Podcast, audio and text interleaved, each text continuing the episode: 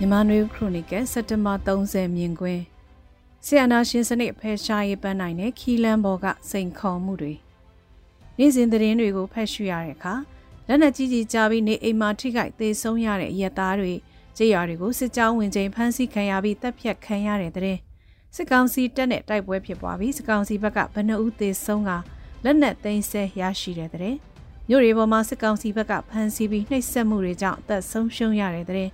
ကျေးရွာတွေကနေအိမ်တွေဘလောက်ရေအတွက်မီးရှို့ခံရတယ်ဆိုတဲ့သတင်းနဲ့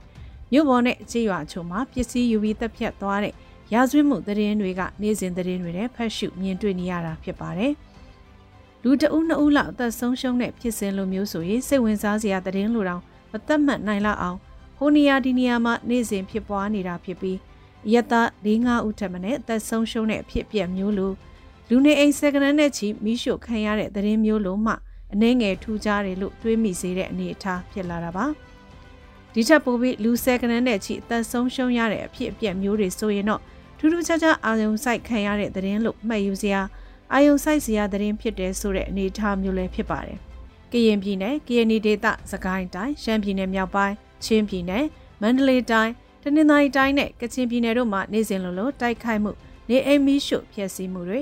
ရဲသားတွေတပ်ဖြတ်ခံရမှုလောက်ကျန်းတပ်ဖြတ်မှု ဖမ်းဆီးခံရပြီးအသက်ဆုံးရှုံးတဲ့အဖြစ်အပျက်တွေကနေ့စဉ်ဘဝတွေလိုဖြစ်လာနေတာလည်းဖြစ်ပါတယ်။ဒီအဖြစ်အပျက်တွေကလက်နက်ကင်တော်လိုင်းရေးဆင်နွှဲနေချိန်မှာမလွဲမသွေကြုံကြရမယ့်အဖြစ်အပျက်တွေလိုလဲတွေးဆစရာဇောတကတက်စရာရှိနိုင်ပါတယ်။အရင်นี้မရှိပဲအောင်ပွဲမရနိုင်မှုဆိုတာမျိုးယုတ်တိဗေဒကောက်ချက်ချမှုတွေနဲ့ဇောတကတက်နိုင်ပါတယ်။ဆယ်စုနှစ်တစ်ခုနှစ်ခုကြာတိုင်းဆီယနာသိမ်းမှုဖြစ်ပွားကနိုင်ငံအာဏာကိုနောက်တစ်ကြိမ်သိမ်းယူတာမျိုးနောက်ထပ်မကြုံရအောင် ဆီယနာရှင်စနစ်ကိုအမြင့်ကဖယ်ရှားမယ်ဆိုတဲ့ရည်ရွယ်ချက်နဲ့အခုလိုနှွေဦးတော်လည်းရေးပေါ်ထွက်လာတာလို့လဲရေဘူးရအားဖြင့်နားလည်ထားကြတာဖြစ်ပါတယ်။အာနာသိန်းစစ်ကောင်စီကိုဖြုတ်ချရင်မှအဖွဲ့အစည်းများပြားဘုံသဘောတူညီမှုရခဲ့တဲ့အနေအထားဖြစ်ပြီးလက်နက်ကိုင်ခုခံတိုက်ခိုက်မှုတွေစီဥတီရှောင်းလန်းခဲ့ကြတဲ့နောက်ပြီးခဲ့တဲ့နှစ်နှစ်တာကာလအတွင်းပြည်တွင်းစစ်ဖြစ်ပွားမှုကကျဲပြန့်လာခဲ့ပါတယ်။စစ်ကောင်စီရဲ့ထိန်းချုပ်နယ်မြေတွေကောင်းစွာထိန်းချုပ်အုပ်ချုပ်ထားနိုင်တဲ့နယ်မြေတွေအများပြားစစ်စခန်းတွေ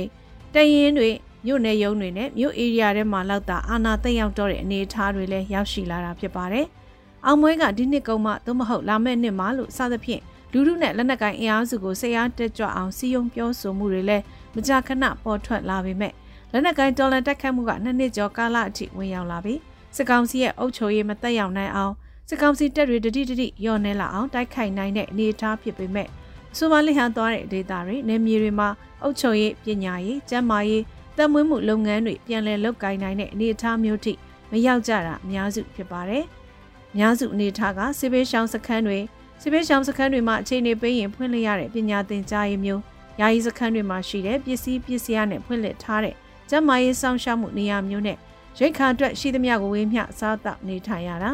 ကုညီပေးမဲ့အဖွဲ့အစည်းတွေကိုစောင့်မျှော်အားကိုးနေရတဲ့အနေအထားမျိုးလည်းဖြစ်ပါတယ်။ ပြည်တွင်းစစ်ဖြစ်ပွားနေမှတော့အခုလိုအခြေအနေမျိုးဟာရှောင်လွဲလို့မရနိုင်ဘူးဆိုတဲ့ယူဆချက်စင်ကြေလဲရှိကောင်းရှိနိုင်ပါတယ်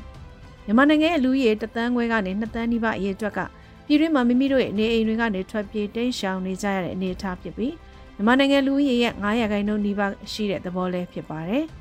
ဒါတွေကဆီယနာရှင်စနစ်ဖြုတ်ချရေးအတွက်ရင်းနှီးရတဲ့အရင်းနှီးတွေလို့ဆိုရင်မမှားပေမဲ့အရင်းနှီးနဲ့ထိုက်တန်တဲ့အောင်ပွဲရရှိအောင်တစ်ဖက်မှာလည်းဆီယနာရှင်စက်ကြီးအင်အားစုတွေကြား ညီညွတ်မှုပူးပေါင်းဆောင်ရွက်မှုဘုံသဘောတူညီချက်နဲ့အရေးကြီးဆုံးဖြစ်တဲ့မဟာဗျူဟာနီးဗျူဟာမှန်ကန်ဖို့လည်းအရေးကြီးတာဖြစ်ပါတယ်။အရေးနှိရှိတိုင်းအောင်ပွဲခံနိုင်မဟုတ်တဲ့အချက်ကိုသတိပြုဖို့လိုပါတယ်။အရေးနှိကမရည်ရွယ်ပဲပေါ်ထွက်လာတဲ့အကျိုးဆက်တွေဖြစ်နေပြီးကြိုးပမ်းမှုတွေကအောင်မြင်မှုရဖို့မှန်ကန်တဲ့လမ်းကြောင်းပေါ်ရောက်နေဖို့လည်းမရှိမဖြစ်လိုအပ်တာကြောင့်ဆီယနာရှင်စနစ်ဖြုတ်ချိုင်းအင်အားစုတွေကြားစူးစီးမှုဘုံသဘောတူညီမှုနဲ့ ပူးပေါင်းဆောင်ရွက်မှုတွေရှိနေခြင်းမရှိနေခြင်းကိုကြည့်ပြီးအောင်မွေးကဘလောက်ကွာဝေးမှရှိမလဲဆိုတာမှန်းဆနိုင်လိမ့်မှာဖြစ်ပါတယ်ရှင်။